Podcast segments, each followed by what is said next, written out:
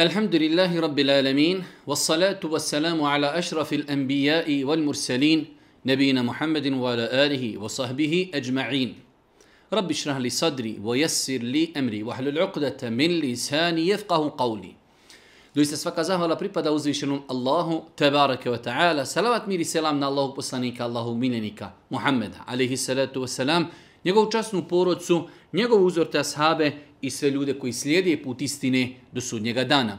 Uvažna braću i poštovani sestre, uvažni gledatelji, evo nas u još jednoj emisiji u kojoj se družimo sa vašim dilemama, vašim pitanjima vezanim za islam. Ovo je, ako dobro vodimo evidenciju, 14. emisija nakon Ramazana u kojoj se družimo sa vašim pitanjima i vašim dilemama. Mi smo više puta napomenuli da Vaša pitanja možete slati na e-mail kojeg mi objavljujemo putem Facebook stranci, ali pošto je mnogo pitanja koja dolazi, ne možemo se obavezati da ćemo odgovoriti na sva pitanja i zbog mnošta pitanja, a isto tako zbog pitanja E, kompleksnosti određenih pitanja za koje doista treba dodatna kompetencija, znanje, istraživanje, e, faktori i činjenice koji mogu utjecati na e, bitnost, odnosno na, odgovor, na sam odgovor. Evo večeras ako Bog da ponovo se družimo sa nekih četrdesetak vaših pitanja. Prvo pitanje je, vratio sam se vjeri ovog Ramazana u svojoj 30. godini života. U svakom slučaju, e, brat nam spominje da je slušao negdje predavanje i da nije uspio da čuje e, sve što se govorilo u vezi dove koja se uči prilikom spolnog odnosa. Da, dobro ste čuli, hvala uzvišom Allahu subhanahu wa ta'ala, ova naša vjera, islam, toliko je savršena i potpuna da imamo čak i dovu koju uči čovjek vjernik, prije nego što ima intimni kontakt sa svojom suprugom. Hadis o tome bilježi Buharija i Muslim da je Allah poslanik alaihi salatu wasalam kazao kada bi neko od vas prije nego što stupi u intimni kontakt kazao dovu Allahumme džennibne šeitan o džennibi šeitane ma razaktena kratka dova Allahumme džennibne šeitan o džennibi šeitane ma razaktena gospodaru sačuvaj nas prokljetog šetana i sačuvaj E, ono čime nas obskrbiš, to jest e, znači potomstvo, sačuvaj naše potomstvo od šeitana, kaže ako bi insan kazao tu dovu prije intimnog kontakta, šeitan ne bi mogao nauditi tom njihovom djetetu. Pa ovaj naš brat pita da li se ova dova može izgovarati i na bosanskom jeziku. Generalno je pravilo da je bolje dove izgovarati na arapskom. Lako je naučiti, to su bukvalno četiri riječi. Allahumme džennibne šeitan o džennibi šeitanima razaktena kratka dova, ali ako insan ne bi mogao naučiti ovu dovu, onda inšala nadamo se i da je ispravno i da to kaže na bosanskom jesku gospodaru, sačuvaj nas šitana i sačuvaj, e, znači, sačuvaj onu čime nas obskrbiš naše potomstvo od prokljetog šitana. E, ja svakako savjetujem e, da pokušate naći sebi knjigu Slast Dovi u kojoj smo mi naveli velik broj dova iz svakodnevnog života gdje smo dove citirali i pisali na arapskom, znači u verziji sa svim vokalima, hereketima, nakon toga na transkripciji, nakon toga prijevod e, na bosanski jezik, e, tako da ako možete sebi naći e, knjigu Slaz dovi, e, između ostalih dova postoji u toj knjizi i ova dova koja se uči prije, prije intimnog kontakta. Drugo pitanje, Eh, sestra dolazi iz Danske ili iz Njemačke u Bosnu i kod majke je našla zapis u novčaniku. Napravljen je prije od 20 godina. Šta će uraditi, kako uništiti taj zapis koji je napravljen prije 20 godina? Mi smo više puta govorili kad su u pitanju Hamailije zapisi, da znači ne postoji neka posebna procedura, čovjek će to razvezati, razrišiti, eh, bismilletom, bismilletom, i znači jednostavno zapaliti, baciti u vatru i time je završio sve vezano za zapise. Znači bilo kakav zapis, bilo kakva hamailija, čovjek će to lijepo bismiletom raz, razvrnuti, razvezati, baciti u vatru i to je ono što mi možemo uraditi sa hamailijama i zapisima. Svakako, mislim da ne treba nama svima ovdje pojašnjavati u islamu nošenje hamailija strogo zabranjeno, pisanje hamailija strogo zabranjeno, E, tako da insan koji ima bilo kakav e, vid talismana, hamailija ili bilo čega nekih zapisa, to će razvrnuti, zapaliti i to je to. Treće pitanje, neka od ovih pitanja su bila aktuelna e, oko Bajrama, ali jednostavno nismo stizali da odgovorimo na sva ta pitanja, pa su došla sada na red, ali je dobro da naučimo neka i pitanja vezana za kurbane, ako Bog da, i za narednu godinu. Esselamu alaikum, da li smijem dati mački ne, e, meso od kurbana jer bude toliko masnih dijelova koje ne smijemo jesti? da li se može mački ili psu dati nešto od mesa kurbanskog, pogotovo što imamo određene dijelove tijela životinje kada se zakulje kao kurban koji čovjek ne može konzumirati, e, ispravno je da nema nikakve smetnje da se određeni dijelovi, znači e, da li su to loj, da li su to neki e, bukvalno, ajde da kažemo, otpaci od kurbana koji mi ne možemo konzumirati, da li mi možemo dati e, mački ili psu, svakako da možemo, nema nikakve smetnje, bolje je da ih pojede neka živa e, Živ, životinja, neko ko će od toga imati neku korist, nego da to, nego da to bacimo tako da je pravilo nema nikakve smetnje, znači da se određeni dijelovi kurbana, znači pogotovo dijelovi koje mi nećemo koristiti, da to damo ili mačkama ili psima da to pojedu. E, pitanje, da li mi je gusul ispravan ako u toku uzimanja gusula učinim neku odradnja koja inače kvari abdes, kao na primjer puštanje vetra, mokrenje i slično tomi. E, ovdje u ovom slučaju vidimo da osoba je, hajde da kažemo, zamijenula dva pitanja. Uzima gusul, u toku gusula je uradila nešto što gubi abdest. Da li je ispravljen njen gusul? Svakako. Znači, re, primjer radi ako čovjek prije nego što počne da znači e, uzima gusul, i zapravo je usta, nos, počinje se kupati, u toku kupanja je uradio nešto što kvari abdest. U redu, to kvari abdest, ali ne kvari gusul. Tako da znači, ako mi uzimamo gusul i u toku gusula smo radili nešto što kvari abdest, mi nakon gusula nemamo abdest, ali je gusul validan. Tako da ne treba ove dvije stvari miješati. Ako u toku gusula uradimo nešto što kvari abdest, kao što je puštanje vjetra ili mokrenje, mi nemamo abdest, ali je naš gusul, ako Bog da, ispravan. Nadamo se, ako Bog da, da je e, odgovor jasan. Da li se noćni namaz može klanjati odmah poslije jacije namaza, živim u Njemačkoj trenutno i tako dalje. U svakom slučaju islamski učenjaci kažu da noćni namaz, vrijeme noćnog namaza i samih vitara i noćnog namaza počinje od jacije pa sve do nastupanja zori. Tako da znači u bilo kojem periodu da čovjek od jacije do nastupanja zori da klanja dobrovoljni namaz i vitr, to potpada pod noćni namaz. Svakako da je najljepši klanjati noćni namaz pred zoru, ali to je samo najljepši. Bilo koji vrijeme, čak su došli vjerodostojni hadisi da Allah poslani klanjao noćni namaz na početku noći, nekada u sredini noći, a nekada znači pred zoru. Tako da nema nikakve smetnje za osobu koja je klanjala jaciju, da klanja koliko može noćnog namaza, dva rekiata, četiri rekiata, šest rekiata, osam rekiata, koliko može, nakon toga da klanja vitr namaz i da legne spavati. Pogotovo u ljetnom periodu, kada ljudi imaju te teške poslove, jacija je kasno, a eto želi da klanjaju nešto od noćnog namaza, nema nikakve smetnje da se noćni namaz odma klanja nakon jacije.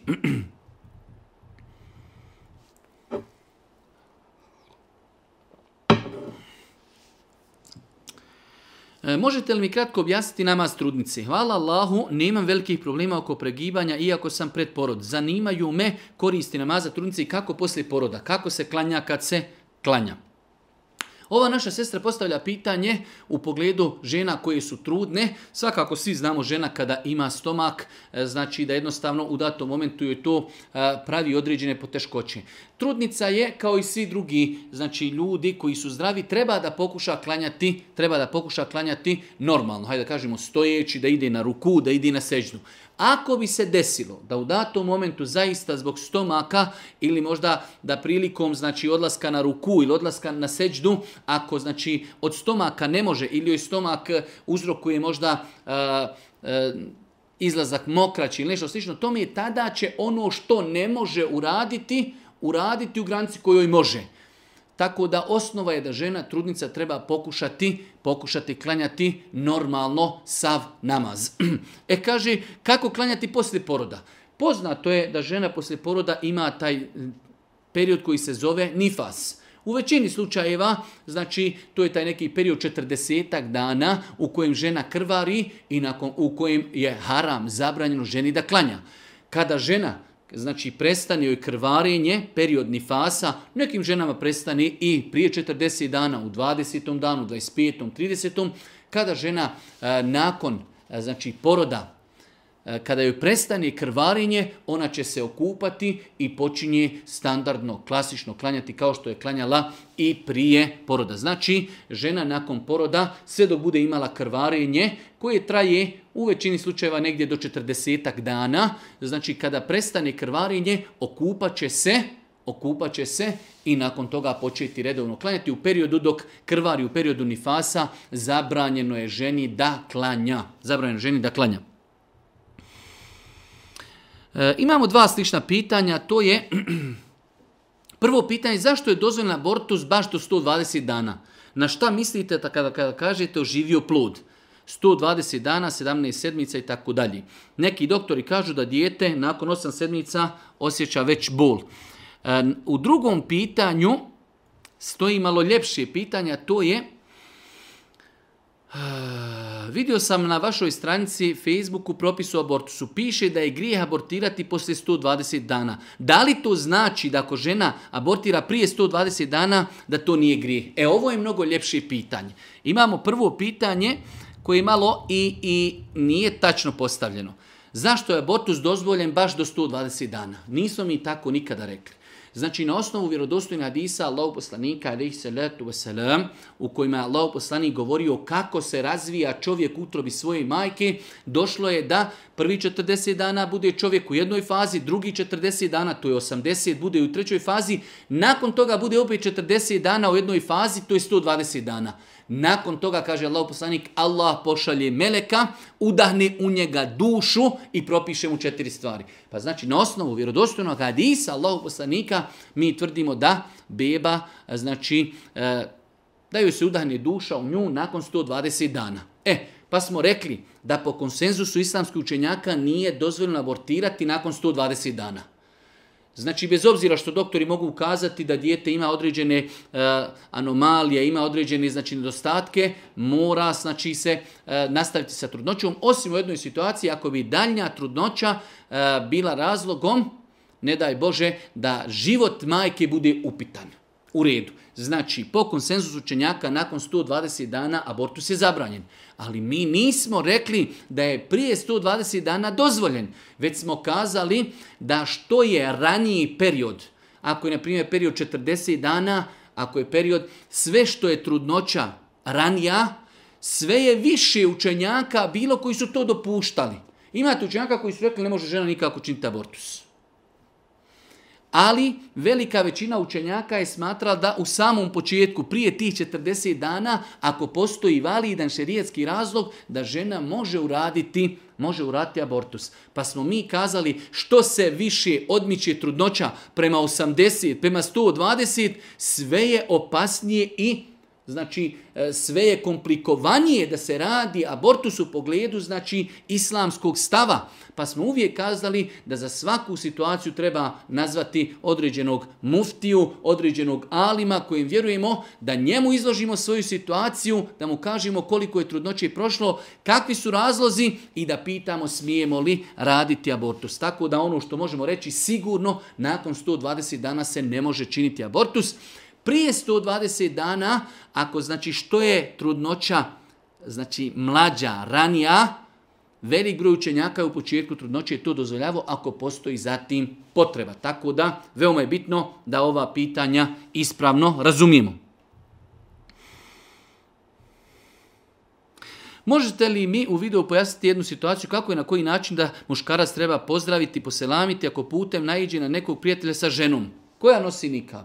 kako da čovjek poselami čovjeka e, koji ide sa svojom ženom. Ništa posebno, ne znam šta nam e, znači to predstavlja problem. Ide čovjek sa svojom suprugom, najidžemo pored njih. Esselamu alejkum. Ovo alejkum vama. Mi vama nazivamo selam. Mir vama. Oni će odgovoriti alejkum selam wa rahmetullahi wa barakatuh. I to je to. Tako da, znači žena imala nikab ili nemala nikab. Čovjek koji ide nama u susjed, mi smo prioritetni da njima nazovemo selam pošto je, pošto je njih više. Znači pojedinac naziva selam grupi e, kada kada jedni pored drugih prolazi. Tako u slučaju kada mi, pojedinac, prolazimo pored insana koji sa svojom suprugom i svojom djecom ide nama u susret, eselamu alaikum, alaikumu selam, i ako Bog da, to je to. Imamo jedno malo interesantno pitanje, kaže imam 13 godina. Počeo sam gledati vaše predavanja i nadahnuli ste, nadahnuli ste me. Nadahnuli ste me. Počeo sam svaki dan ići u džamiju gdje su me pitali da budem u ezin. Moj problem je što mi ostala djeca govore da idem u džamiju zbog para koju mi daju ljudi u džamiji. Kako sad to pojasniti? E, ovaj naš jedan e, omladinac, dječak, mašallah, e, slušao je predavanja, krenuo je redovno u džamiju, e sada ga druga djeca pod navnim znacima šetanim ne da mira, pa oni njega sada provocirao, ti ideš u džamiju zato što dobivaš tamo novac. Kako njima pojasniti? Ne treba im ništa pojašnjavati jer insan ne može ljudima pojasniti šta je u njegovom srcu. Treba nastaviti tići u džamiju, budom dođite i vi u džamiju ako vam šta ko dadni, dobro i jeste. Čovjek ide u džamiju radi uzvišnog Allaha subhanahu wa ta'ala i nikome se nepravda. I nikome se nepravda. Nemoguće je ljudima pojasniti e, da mi određenu stvar radimo radi Allaha subhanahu wa ta'ala. Tako da ne treba se osvrtati najbolje najbolji metod, najbolji odgovor svemu tome jeste apsolutno ignorisanje. Imamo jedno malo duže pitanje. Od prošle godine čovjek je e, postavio pitanje, za, desilo je se prošle godine e, da je on i njegov kao punac su dali nekom čovjeku da im zakolje kurbane, kada su već došli posle Bajrama, vidjeli su su kurbani poklani, kada su pitali čovjeka, kaže, ja sam jutro ustao u 5 sati prije Bajrama i poklao te kurbane, kako bi u toku dana stigao da to sve završi, e, pa je pitanje li to ispravno. Nije ispravan kurban koji se zakolje prije klanjanja Bajram namaza. Znači, klanje kurbana je vremenski ograničen i badet. Može se početi klanjati, e, klati kurban nakon što e, imam završi Bajram i završi se Bajramska hudba, nakon toga nastupa vrijeme klanja, klanja kurbana i traje po ispravnom mišljenju četiri drana do zalaska sunca četvrtog dana. Znači, e, došlo je u vjerovostinu Hadisma da je Allah poslanik vidio meso kurbane koji su zaklani prije klanja, klanjanja Bajrama. Pa je pitao, pa su ljudi rekli, Allaho poslaniće, danas je Bajra, mi smo htjeli da prvi zakoljemo, pa da komšijama podijelimo meso pa je Allah poslanik im naredio da zakolju drugi kurban, jer kaže kurban koji se zakolje prije Bajrama, to je obično meso. Meso je halal, dozvoljno da se jede, ali nije kurban. Nije kurban. Moramo napraviti razliku.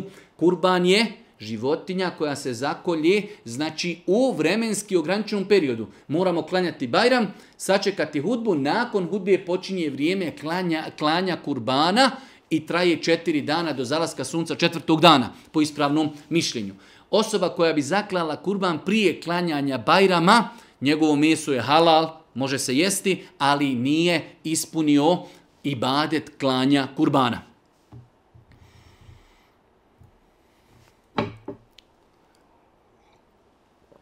Pitanje, imam jedno pitanje ako možete da mi govorite. Zanima me, jel se može klanjati podne i kinde zajedno za vrijeme podne namazam? Da li je to i za ono što idu na posao ili samo za ono što putuju? E, generalno gledajući, spajanje namaza je vezano za veliku potrebu. Islamski učenjaci prvenstveno navode e, potrebu putovanje. Pa znači najčešće gdje se spajaju namazi jeste putovanje. E, kada bi insan imao neku ogromnu, veliku potrebu da ponekada, možda u šest mjeseci, eh, u godini jednom, da spoji podnije i kindiju zbog određenog velikog problema, da ne krati, da samo spoji, da. Ali da neko svaki dan ide na posao i svaki dan klanja podnije i kindiju zajedno, To ne znam da ikada iko od učenjaka dozvolio. Tako da, znači, kada je u pitanju spajanje namaza, većinom je spajanje namaza vezano za putovanje ili neke druge velike potrebe kao što su velike bolesti ili čovjek doktor koji operiše pacijenta pa ne smije napustiti salu ili nešto ogromno, veliko što se ponekada dešava ali da mi idemo na posao i svaki dan spajamo podne kindiju, ne znam da je to ikada iko od učenjaka dozvolio. Moj brat je nedavno preselio, moja poroci ja smo htjeli da kurban nanijetimo za njega. Da li ispravno klati kurban za umrli? Nema smetnje zaklati kurban za mrtvu osobu. Nema smetnje zaklati kurban za mrtvu osobu, iako Allah najbolje zna, znači taj kurban e, njime se cilja sadaka za tog mejita. Tako da ako bi i porodica taj novac kojeg su htjeli dati za kurban, ako bi ga podijelili na ime svoga mejita, time bi u jednu ruku skratili tu proceduru. Znači ono što mi uradimo, zaklali smo kurban na ime našeg mejita, to je u osnovi sadaka na, e, za njega. Tako da mi u osnovi možemo to skratiti i taj novac kojeg smo htjeli dati za kurban, damo znači onima koji su potrebni. Ali ako bi neko baš insistirao, želim da ja zakoljem kurban za svoga oca za svoju majku, da to bude za njih i da to podijeli poslije sirotinje i potrebnima, uz Allahu pomoć nema u tome ništa sporno. Da li smijem sjeći nokte kosu ako smo nanijetili klati kurban? Imamo dva ili tri pitanja. To su ona standardna klasična pitanja kada nastupi mjesec Zulhidje, imamo 9 dana, znači Zulhidžeta, 10. dan je Bajram. Da li u tih prvi 9 dana čovjek može da sjeće nokte, da znači brije kosu, da, da brije dlake ispod pazuha i tako dalje. Allah najbolje zna, imamo vjerodostojne hadise u kojima Allah poslanik Ali se letu sram kaže kada nastupi mjesec Zulhidže i neko od vas već ima namjeru da kolje kurban, neka uh, se znači sustegne, neka ne, ne krati svoje nokte i neka sa svoga tijela ne uh, uzima ništa od koži i neka ne krati dlake sa svoga tijela. Te dlake obuhvataju i kosu, i znači e, dlake ispod pazuha, dlake oko stidnih dijelova tijela, sve dlake na tijelu, nokti i eventualno neki dijelovi ako bi se mogli otkinuti koži sa našeg tijela. Allah najbolje znao, islamsku činjaciju pogleda ovih hadisa imaju više stavova. Ja sam stava da je lijepo i pohvalno da čovjek se e, suzdrži od spomenutih stvari i da je ovaj hadis autentičan i da se po njemu radi. Uh, E, velik groj ljudi našeg podneblja to e, ne praktikuju zato što po hanefijskom mezhebu e, i ne treba da se tako znači čovjek toga pridržava, oni u svemu tome imaju svoje i dokaze, ali Allah najbolje zna, ja sam stava da je prioritetnije i bolje da čovjek vjernik koji nanijetio da kolje kurban, znači prije nego što nastupi dan, prije nego što nastupi Zulhidje, čovjek treba da odsjeće lijepo nokte, e, da, da jednostavno se pripremi kad su u pitanju, znači uklanjanje dlaka ispod pazuha, oko stidnih dijelova tijela, ako već hoće da se ošiša, skrati brkove i jednostavno da u tih deset dana više nema potrebu za kraćenjem nokata ili kraćenjem dlaka na svome tijelu i prioritetnije ako Bog da, da insan se pridržava tog vjerodostojnog hadisa. Kako postupiti s mužem koji je počinio blud i pokajao se? Tako bar kaže, konzumira drogu i kocku, stalno govori prestača, ali i dalje nastavlja. Moje psičko stanje trpi. Imam sina, ja sam inače blaga supruga, vjerujem u Allaha i propise naše vjeri. Šta činti kako ga vrati na pravi put ili tražiti razvod? Jedno poprilično teško pitanje koje iziskuje jednu dublju analizu, ali ono što mi možemo u ovakvim slučajima kazati jeste uh, jedan ozbiljan razgovor, ozbiljan razgovor sa tim svojim e, znači e, supružnikom, e, da mu se da u datom momentu određeno prvo savjetovanje, da to što radi je neispravno kada je u pitanju droga, kada je u pitanju alkohol, pa ako je bilo i bluda, da je to sve zabranjeno, neispravno, da se pokuša dozvati, da se pokuša posavjetovati. Ako vidimo da to savjetovaj ne, ne pije vodi, da mu damo određen period, kažemo vidi, evo imaš tri mjeseca, šest mjeseci da pokušaš to ostaviti. Ako ne ostaviš, pogotovo ovdje kaže ova naša sestra, e, njeno psihičko stanje trpi. E, tako da Allah najbolji zna nakon toga ako vidimo da nema nikakvih pomaka, mislim da je rješenje tražiti razvod i da čovjek jednostavno, ako već živi, živi s nekim e, ko je normalan, ko ne pravi takve velike prijestupe, ako i živi sam, nema nikakav psihički e, problem ili to, torturu od osobe koja se drogira, koja e, kladionce posjećuje, pije alkohol i tako dalje. Tako da, E, neki generalni savjet jesu razgovor, dijalog, savjet, davanje određenog perioda gdje osoba treba da vidi hoće li se popraviti, neće. Ako vidimo da to ništa ne koristi, onda Allah najbolje zna, najbolje se razići i tražiti razvod braka. Esselamu alaikum, uvaženi profesoru. Pitanje glasi, ako možete da razgraničite dvije stvari u pitanju, anksioznost s aspekta doktora i sa strane uh, E, neki učači ruke kažu da su u pitanju džini i džinski napadi. Mi smo govorili o ovim nekim pitanjima više puta i mislim da e, nema potrebe da jedno drugo isključuje. Imate određene bolesti, možemo normalno nastaviti da se liječimo medicinski, a isto tako da idemo normalno i da tretiramo određeno pitanje kod učača ruke ljudi koji liječe Kur'anom. E, jedno drugo ne isključuje.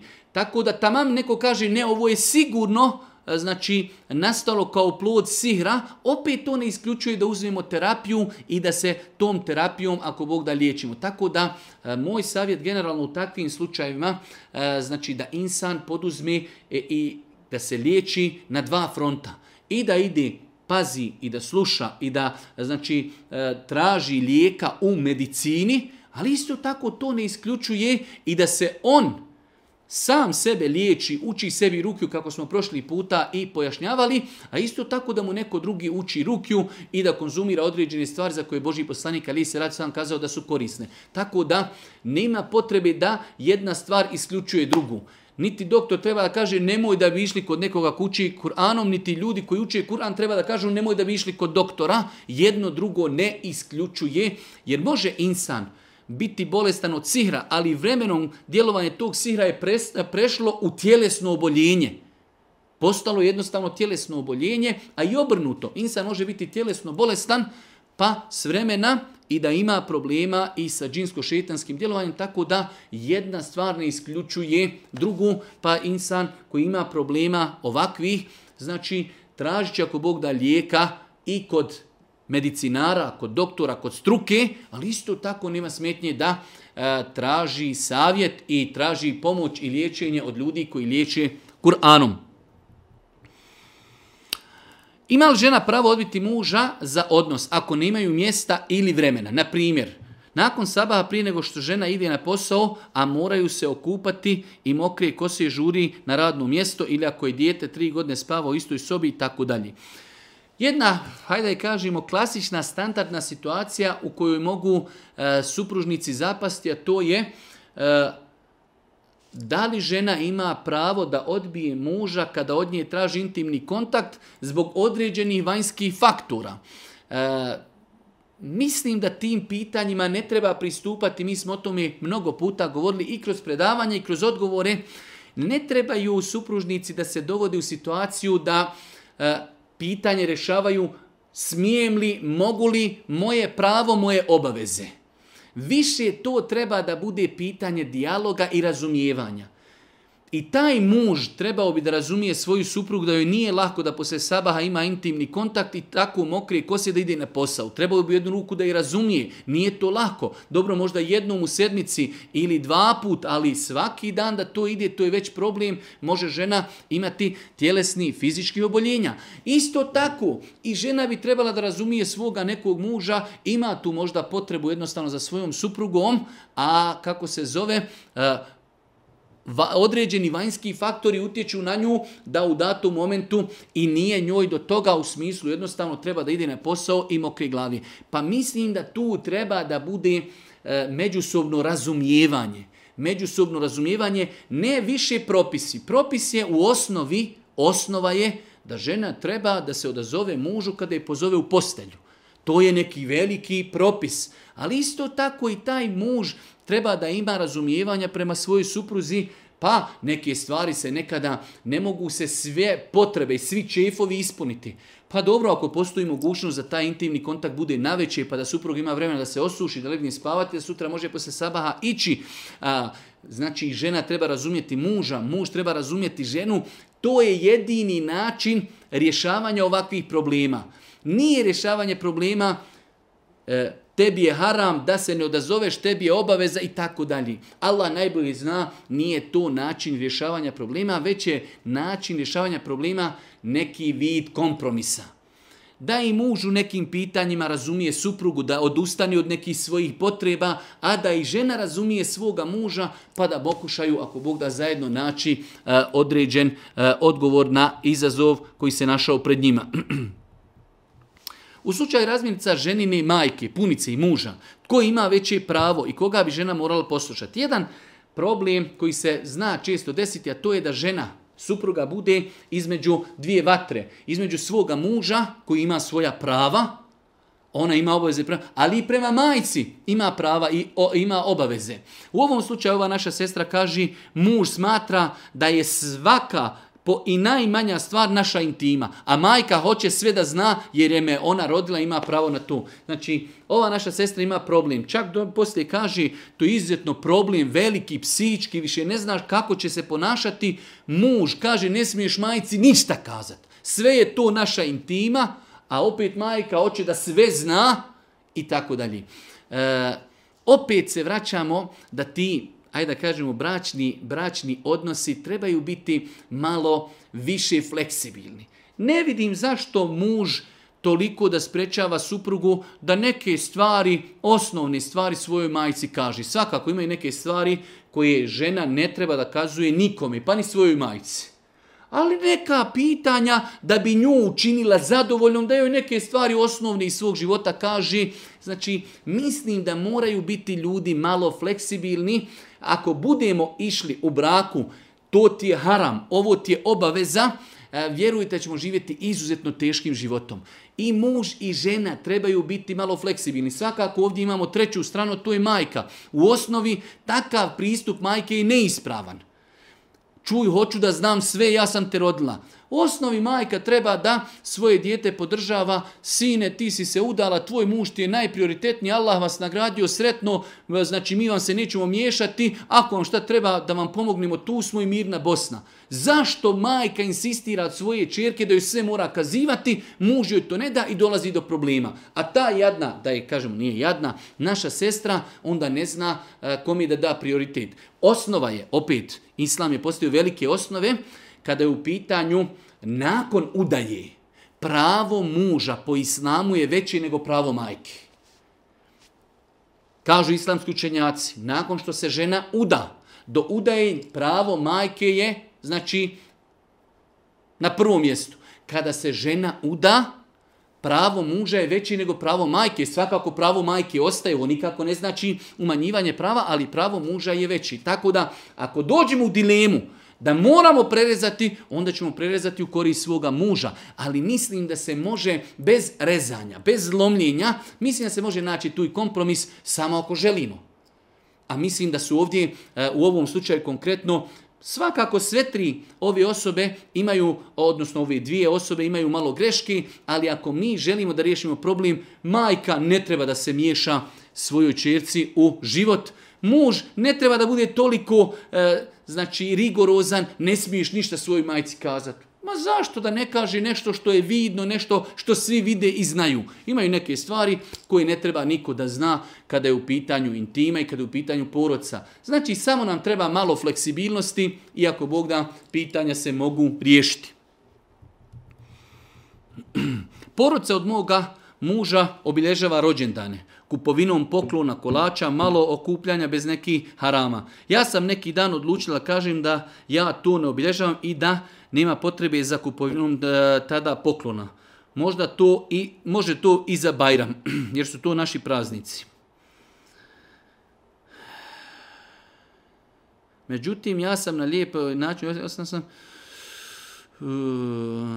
zanima me jesam li dobro postupila i šta treba da radim. Osoba je pojasnila određenim članovima svoje poroce da ona i njen muž, njena djeca ne slavi rođen dane. U većini slučaja mi smo takav narod, e, mi smo zaokupirani tuđim stavovima. Neko ne slavi rođendan, dobro, živi, zdrav bili, neko slavi šta nas briga. Ne, mi hoćemo da svi budu po našim. Što je greška? Moramo prepustiti ljudima da žive svoj život. I zato nam dolaze problemi, svi nešto kritikuju nekoga koji je počeo klanjati, svi kritikuju nekoga koji je počeo ženu koja nosi mahramu i tako dalje. Apsolutno nas to se ne tiče. Tako da onog momenta ako mi imamo svoj neki stav, naše je da ga lijepo pojasnimo ljudima. Izvinite, mi ne obilježavamo rođendane za na, našoj djeci. Ne, a potrebe da im tada uzimate poklone. Ako želite našoj djeci da uzmete poklone, uzmite to kada bude Bajram. To bi trebalo da bude normalna stvar da to ljudi prihvate. E sad mi imamo problem našeg mentaliteta što to za nas nije normalno. Svi odma pa to je sad neki novi islam, šta se vi izdvajate, mi čitav život slavili, vi ne slavite i tako dalje. Ono što mi možemo jeste da na lijep način pojasnimo, nakon toga te reakcije njihove ostavljamo njima. Od kako sam postala punoljetna po islamu pa do danas ja ukupno... E, je bilo je 13 Ramazana. Zadnja tri godine kako sam više uvjeri i kako se više pridržavam svega, isposlala sam sveti Ramazana.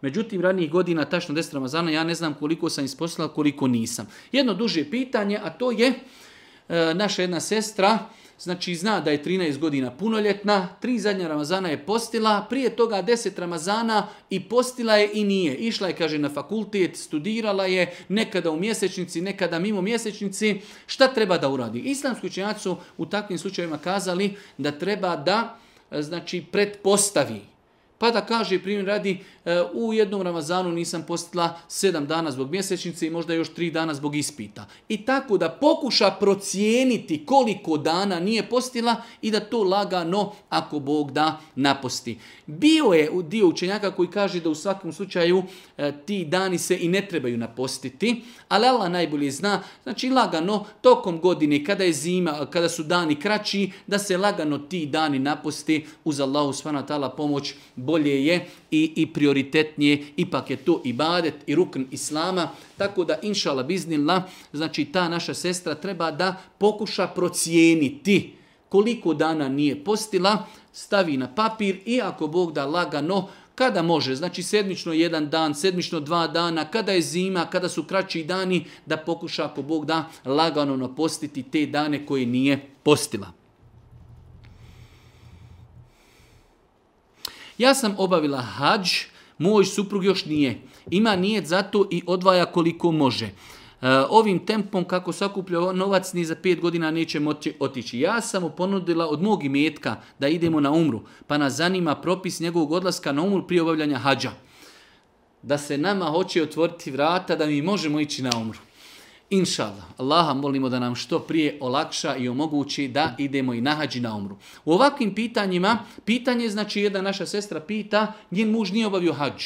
Može li on prije hađa da ide na umru od njenog imetka? Svakako da može. Allah poslanik alaihi salatu wasalam obavio je nekoliko umri prije nego što je obavio hađ. Tako da nema nikakve smetnje, pogotovo u ovom slučaju što neko, u ovom slučaju njegova supruga, njemu donira hađa odlazak na umru, on će otići na umru, obaviti umru, a onda će nastaviti ako Bog da lagano da špara i štedi novac, pa kada mogne obavit će i hađ.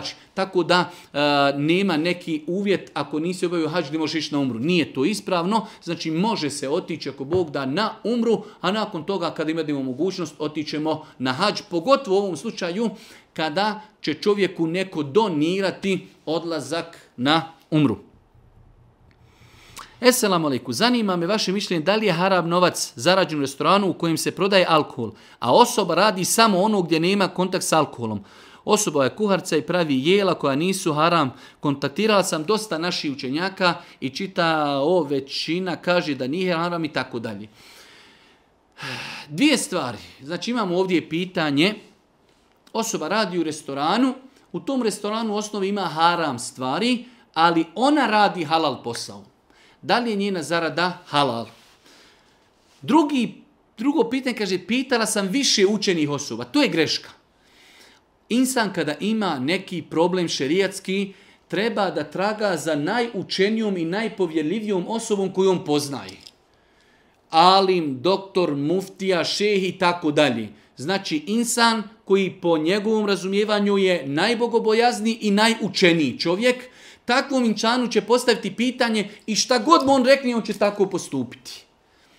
To je ispravno e, ponašanje, a pitati više ljudi, to već dolazi do problema. Može se desiti da neko rekne halal, neko će reći haram, ovaj će reći uz uvjete i onda će se insan pogubiti jer su to učeni ljudi, svako ima svoj neki način pristupa, a onda on, pod namim znacima, kao obični insan će se pogubiti po čijem sada da radi. Tako da, e, znači, ako imate neki problem u životu, želite pitati nekoga, odaberite najučeniju osobu i najbogobojazniju, najkompetentniju, pitajte.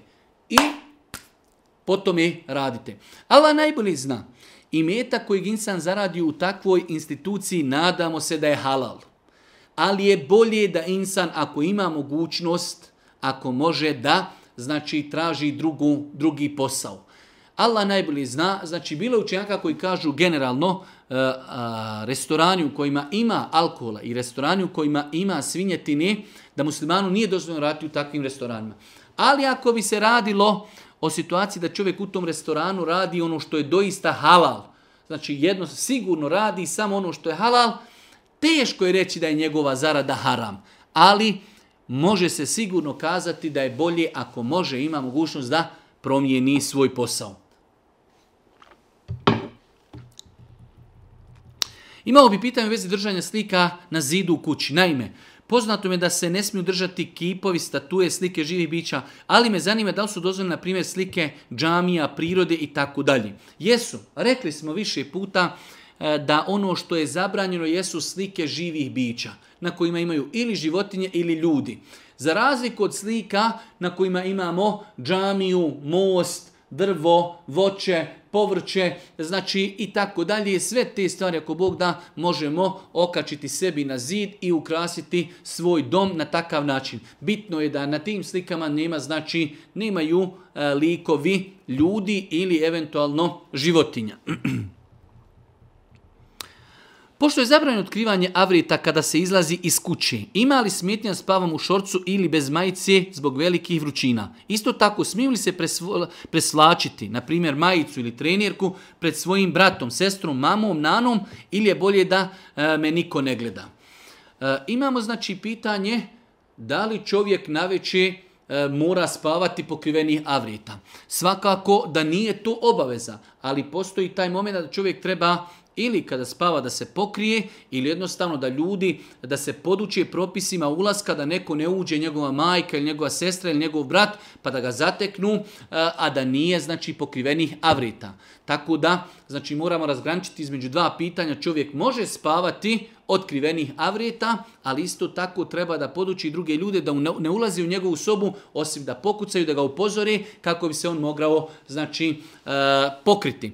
S druge strane, preslačenje pred bratom, majkom, sestrom, ako se čovjek preslači ne otkrivajući avrete, primjer radi čovjek želi da presuče pod košulju ili majicu, nema smetnja to bude pred majkom ili pred sestrom ali ako će se e, znači preslačiti do te mjere da će skinuti hlače, ostati samo u donjem vešu, onda je to zabranjeno jer je to otkrivanje avrita. Tako da presvlačenje pred bratom, sestrom ili majkom dozvoljeno ako preslačimo hlače, odjeću gdje ne otkrivamo avrete, kao što je majica ili potkošulja. Dok ako skidamo trenirku, ako skidamo hlače ispod kojih nemamo ništa osim donji veš, onda se trebamo sklonuti ili u sobu ili u toalet. Znači ne možemo skidati se pred svojom majkom ili sestrom ili majkom do te mjeri da smo otkrili avrete. Znamo da su avreti muškarca od pupka do koljena. To je nešto što ne bi čovjek muškarac trebao da pokazuje ni pred sestrom, ni pred bratom, ni pred majkom i tako dalje.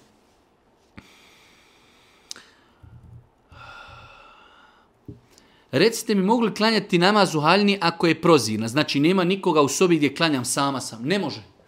Pokrivanje avreta odjećom koja je prozirna, ne smatra se da je čovjek pokrio avrete, bez obzira što tu nema nikog. Mi ne pokrivamo avrete zato što nas niko ne vidi, mi pokrivamo avrete zbog ispravnosti namaza. Tako da neispravno je klanjati u prozirnoj odjeći, bez obzira što nas niko, bez obzira što nas niko ne vidi.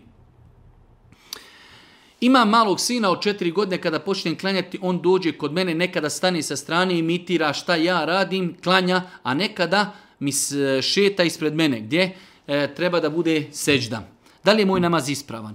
E, u svakom slučaju, insan treba da se potrudi da već dijete kada uzna, da znači da mu jednostavno da i šaretom znanja da to dijete ne treba prolaziti ispred insana. E, E, da dođe, da sjedne samo na mjesto gdje će čovjek klanjati, nema, nije, nije sporno, ali prolazak ispred klanjača, insan treba da stane tako u neki ili čošak ili neku, znači neko mjesto u kući gdje jednostavno dijete neće moći pro, e, prolaziti ispred njega, a i treba da ga pokuša e, za, zaustaviti. Ako bi dijete prošlo ispred majke, nije namaz je ako Bog da ispravan.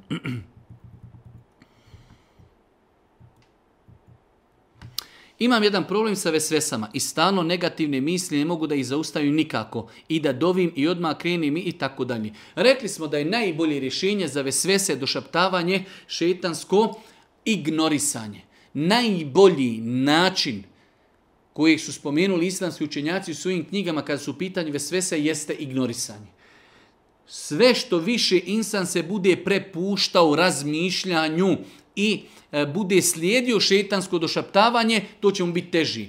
A vremenom samo treba da reže i apsolutno ignoriše i uz Allahu pomoć to će prestati. Kako je po islamskom, e, islamskom propisu izgradnja kuće? Da li treba nešto da se prouči pri iskupavanju temelja, zakolje, kurban i tako dalje? E, kada je u pitanju izgradnja kuće, da li postoji neka procedura da treba da se ispuni pri izgradnje kuće i ne postoji? Ništa. Znači, ne postoji apsolutno nikakva procedura. Dobijemo urbanističku, građevinsku, počinjemo kopati i to je to bez ikakve proceduri. E, treba ukazati na pogrešnu praksu našeg naroda klanje kurbana gdje ljudi krv stavljaju u temelje ili na čoškove kao da ta krv i taj kurban či, e, štiti i čuva kuću od džina i šitana. To je opasno. Opasno.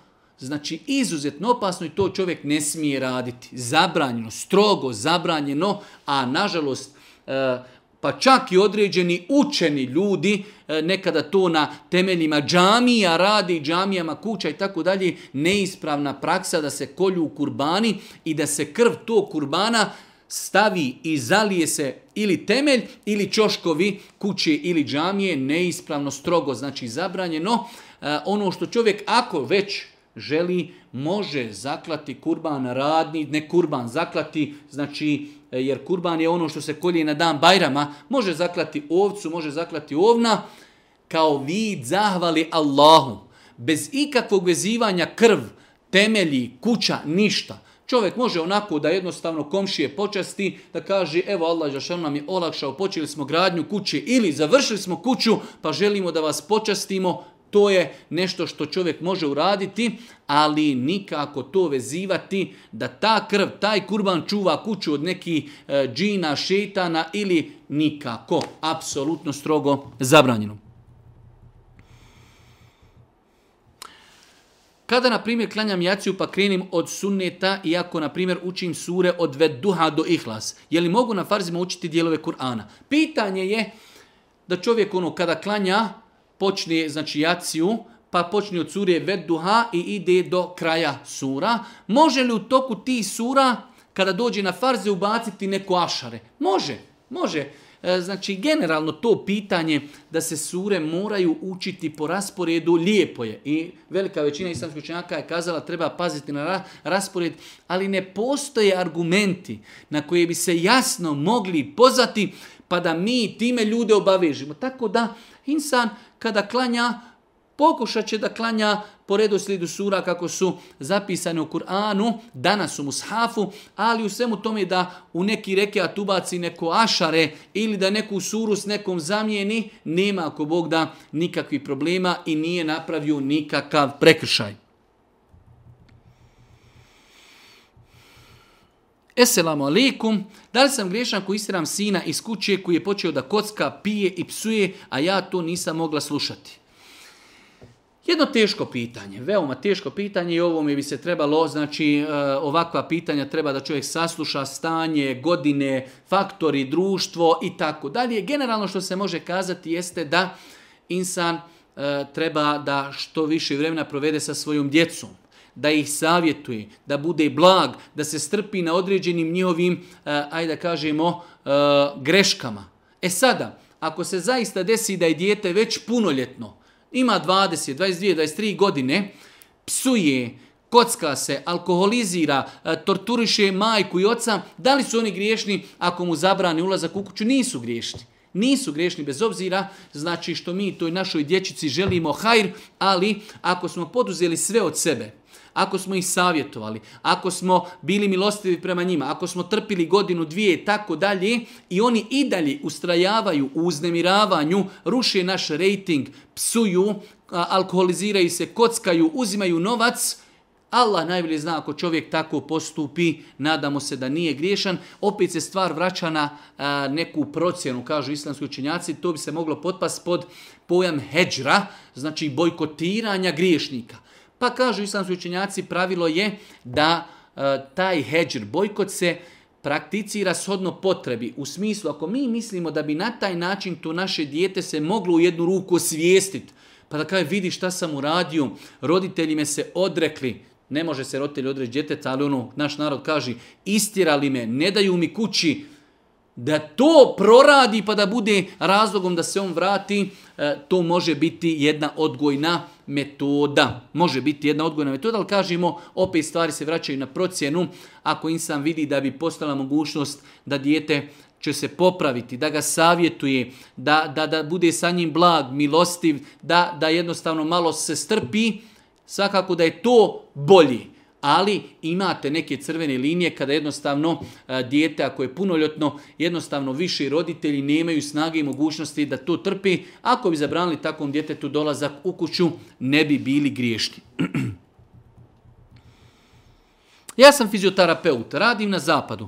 Tokom svakodnevnog posla dolazim u kontakt sa ženama. Pokušavao sam da se ogrančim i da radim sa muškim pacijentima, ali zbog svega toga počeo sam da dobivam primjedbe da diskriminišem pacijente, žene, i da to ne smijem da radim i da to mogu, e, da tako mogu rizikovati velike probleme.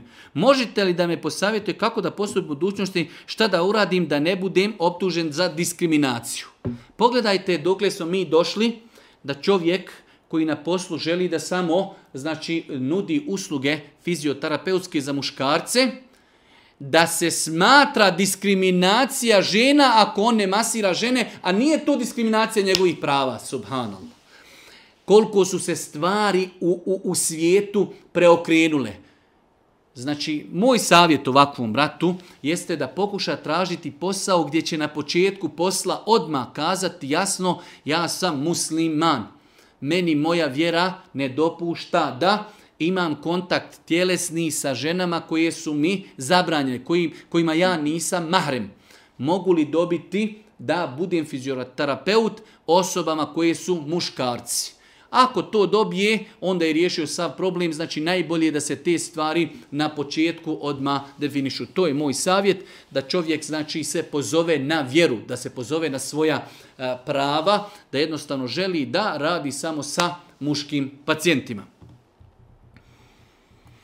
Selam, prije dvije godine moji su roditelji preselili u razmaku sedam mjeseci, uvijek sam sanjala, ali više imamo kao uvijek nešto da radim i tako dalje.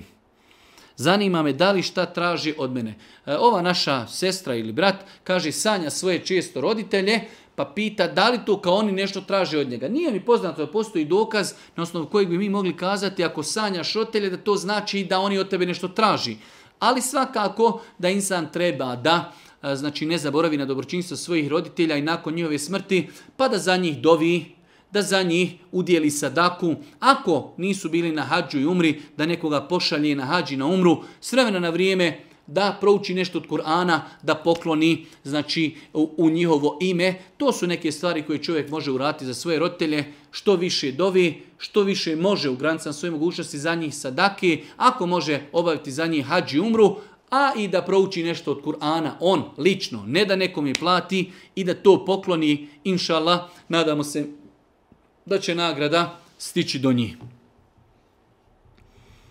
Pošto se u našim džamijama neđu ruke po sunnetu, da li je bolje taj sunnet izostavljati u džamijama, pretkoga kad samo u kući ili prioritetnije u džamijama dizati ruke, ne bili ljudi spoznali poslanikova ali i selam sunnet? Ovo je jedno poznato pitanje u pogledu kojeg islamski učenjaci i mesebi imaju različite stavove. Konkretno, hanefijski meseb je smatrao da se ruke u namazu ne dižu osim prilikom početnog tekbira. E, mislim da ljudi obostrano trebaju da budu samo tolerantni. I e, ljudi koji ne dižu ruke treba da shvati da nisu svi ljudi hanefijskog mezheba. Imamo na planeti četiri mezheba, kao što kad odemo kod, e, kod Kiabi u Haremu, Mekke i Medine, ne smeta nam neko klanja, diže ruke, neko ne diže, neko klanja spuštenih ruku, ništa nam ne smeta. Tako bi trebali da budemo i tolerantni i tako treba odgajati ljude. Ja smatram da je velika obaveza e, i znači e, velika odgovornost na našim imamima. Treba ljude odgajati na širokogrudnosti. Nemojte ljudi da vam smeta što neko diže ruke u namazu. Dobro, ne pratite on naš mezheb. Ali ima li on nikakav dokaz? Imajte kako ima dokaz Hadis u Buhari i Muslimu da je Boži poslanik dizao ruke u namazu. U redu, mi ne radimo po tome, ali on radi. Tako da moramo se učiti toleranciji trebamo ljude podučavati da to nije novi islam. To su neki mezhebi koji se ne praktikuju kod nas, ali se praktikuju na drugim dijelovima e, islamskog svijeta. S druge strane, e, i osoba koja diže ruke u namazu, ako doista primijeti da to ljudima smeta, da to u datom momentu i ostavi kako bi ga ljudi u datom momentu prihvatili, kako ih ne bi odaljavao od sebe. Neće ako Bog da napraviti nikakvu grešku, ali ako je stanje u nekom džematu gdje to ljudima ne smeta, ti klanjaj kako hoćeš, mi ćemo kako hoćemo, svakako smatram da je bolje da čovjek diže ruke, da se ljudi lagano privikavaju, da se ljudi nauči, e, znači da ima i drugo mišljenje, ali ako znači baš je u nekom džematu gdje ljudima to smeta, Allah najbolje zna ako radi Allaha te bareke ve taala ostavi dizanje ruku, ja se duboko nadam da će biti nagrađen jer je uradio djelo kojim želi da se ujedini džemat. Pa imamo nekoliko stvari. Smatram da imami trebaju ljude podučavati na hudbama da je dizanje ruku uh, E, stav kojeg zastupa velik broj islamskih mezheba i učenjaka. Ne smijemo dopustiti nam ne smeta što neko diži ruke u namazu ili ne diži. E, druga stvar, ako se nalazimo u džematu gdje zaista znamo da to ljudima smeta, onda Allah najbolje zna, znači e, nadam se čak Allahovoj nagrade ako to insan ostavio želeći da džemat nema nikakvih problema, dok ako se nalazimo u nekom džematu gdje jednostavno ljudi znači to ih ne interesuje, tada smatram definitivno da je bolje dizati ruke u namazu, jer jednostavno vjerodostojni hadisi Buharije i muslima jasno potvrđuju da je Allah poslanik alihi se letu selam tri puta dizao ruke u namazu. Da li će čovjek biti nagrađen ako halali novčani dug nekome koje je preselio? Definitivno će biti nagrađen. Znači imamo osoba je dužna, umrla je, Da li ćemo mi biti e, nagrađeni ako halalimo tom insanu, dug koji nam je dužan, Allah najbolje zna da ćemo biti, ako Bog da, nagrađeni. Kako postupiti kada nam u stan želi doći rodbina koja se ne oblači propisno? Na primjer, jetrva kada dolazi oblači kratke suknjice i tako dalje. Kako ćemo mi postupati e, kada nam dolazi neko ko radi nešto što je neispravno? Kako? E, mi kada nam neko dolazi u našu kuću, e, imamo pravo da određene stvari poredamo kako mi mislimo da treba. Kada u pitanju muškarci i žene kažemo, žene će sjediti u ovoj prostoriji, a muškarci će sjediti u ovoj sobi. Kako će se neko oblačiti, to je njegovo pitanje. Mi ne možemo insanu reći nemoj nam dolaziti jer se nisi ispravno pokrio. Znači, to je njegovo pitanje. Ali isto tako u našoj kući možemo reći čovjeku ovo je naša kuća, ovdje nema duhana, ovdje nema muzike. To je u našoj kući. Vi kad budete u svojoj kući rate šta hoćete, hoćete li vi sjediti zajedno ili odvojeno, to nas ne interesuje. Kako ćete se nositi, to nas ne interesuje. Znači, u našoj kući se praktikuje islam i živimo ovako. Da li ćete se vi pokriti kada dolazite u našu kuću ili nećete, vi trebate da znate da je farz da budete pokriveni i u našoj kući, i na ulici, i bilo gdje drugo. Da li ćete se vi pridržavati toga farza ili nećete, mi možemo na lijep način da kažemo kroz razgovor, kroz dijalog, da kažemo vidi Allah te nagradio, zar ne znaš, Allah Žešan naredio je ženi zbog nje da nosi hijab prilikom izlaska iz kuće, To je ono što mi možemo raditi, da li će to neko poslušati ili ne, e, znači e, to je do njega. Tako da ne možemo mi nekom je uvjetu da kažemo ako ćeš nama doći, dođi nam i moraš nositi hijab, ali možemo neke druge stvari, kod nas nema duhana, kod nas nema e, alkohola, e, kod nas muškarci sjedi odvojeno od žena i mirna Bosna. Molim vas, ako budete u prilici da mi objasnite neke stvari, naime, počela sam da klanjam, manje, više, redovno. Najviše imam problema sa ustajem na saba, ali borim se. Primijetim nedostatak koncentracije dok klanjam i nekada osjetim kako mi nešto govori, hajde sad preskoči, klanjat ćeš poslije. Isto tako osjetim radost neku kada se tome oduprim i odem abdesti, pa mi to daje neku nadu i tako dalje. E sad, ostaje to pitanje, zaista jel se ja moram boriti sa tim nečim što mi došaptava i odvraća me i tako dalje. Da, to je ništa drugo do šeitan, e, Allaho proklijestvo bilo na njega i naša duša. Jednostavno duša voli da ležiš, e, šeitan voli da ležiš, pa kada insan hoće da kreni rati neki hajr, i šeitan i duša čovjeka sputavaju. Svakako, svi se mi borimo u mnogim nekim drugim stvarima u životu. Neko je nadjećao šeitana, nadjećao dušu, više je neko manji. Tako da, e, normalna je reakcija da insan kada počne klanjati, da će biti e, nagovora šeitana, njegove duše, ne, sjedi, kućeš i tako dalje. Ali insan mora dati otpor, mora se, znači što bi rekao, suprostaviti tom šeitanskom došaptavanju i rati ono što mu je naredno naređeno od njegovog gospodara. da li kvari abdest ako rukom dodirne spolni organ, znači bez strasti, čisto onako da se riješi nekih nelaguda? E, mi smo više puta govorili da e, doticanje spolnog organa po preferirajuće mišljenju kvari abdest, ali to se misli na direktno doticanje bez doticanja kroz odjeću. Tako da insan, ako se primjer radi tuširao, pa se nakon tuširanja e, posušuje tijelo i preko peškira dotakni spolni organ, on time ne gubi abdest. Znači, e, doticanje, a, doticanje spolnog organa kvari abdest ako je dotaknut organ spolni direktno, bez odjeći. E sad ostaje to pitanje da je bilo učenjaka koji su kazali e, da bi doticanje spolnog organa kvarilo abdest, treba da bude doticanje sa strašću, E, za mene lično ne postoji dokaz koji to potvrđuje, tako da ja sam lično stava da bilo koje doticanje, direktno doticanje spolnog organa kvari abdest. Ali rekli smo direktno doticanje, dok ako bi to bilo preko peškira ili preko hlača, znači kroz neki zastor, onda to ako Bog da ne kvari, ne kvari abdest. Je li gusel ispravan ako proučimo bismilu, operim tri puta usta i nos i okupam se? Tokom kupanja operim, e, operim spolni organ. Je li to ispravan? Imam li abdes poslije gusula ako ga uzmem na taj način? Više puta smo govorili da insan koji želi da ima abdest nakon gusula, treba da gusul uzme po sunnetu Božijeg poslanika, to je čovjek ako je imao spolni kontakt i znači intimni kontakt, onda kada dolazi prvo će oprati spolni organ i znači mjesto oko spolnog organa. Nakon toga će oprati ruke i ide abdest, potpun abdest. Ispiremo usta, ispiremo nos, znači perijemo lice, perijemo ruke, potiremo kosu i pere, potiremo glavu, uši i nakon toga perijemo stopala. Nakon toga perijemo glavu, perijemo desnu stranu, perijemo lijevu stranu, svakako u toku kupanja ne dotičemo spolni organ, jer smo spolni organ oprali na početku. I ako tako uzmemo uh, gusul, mi nakon gusula imamo, inša Allah, bi iznillahi abdest.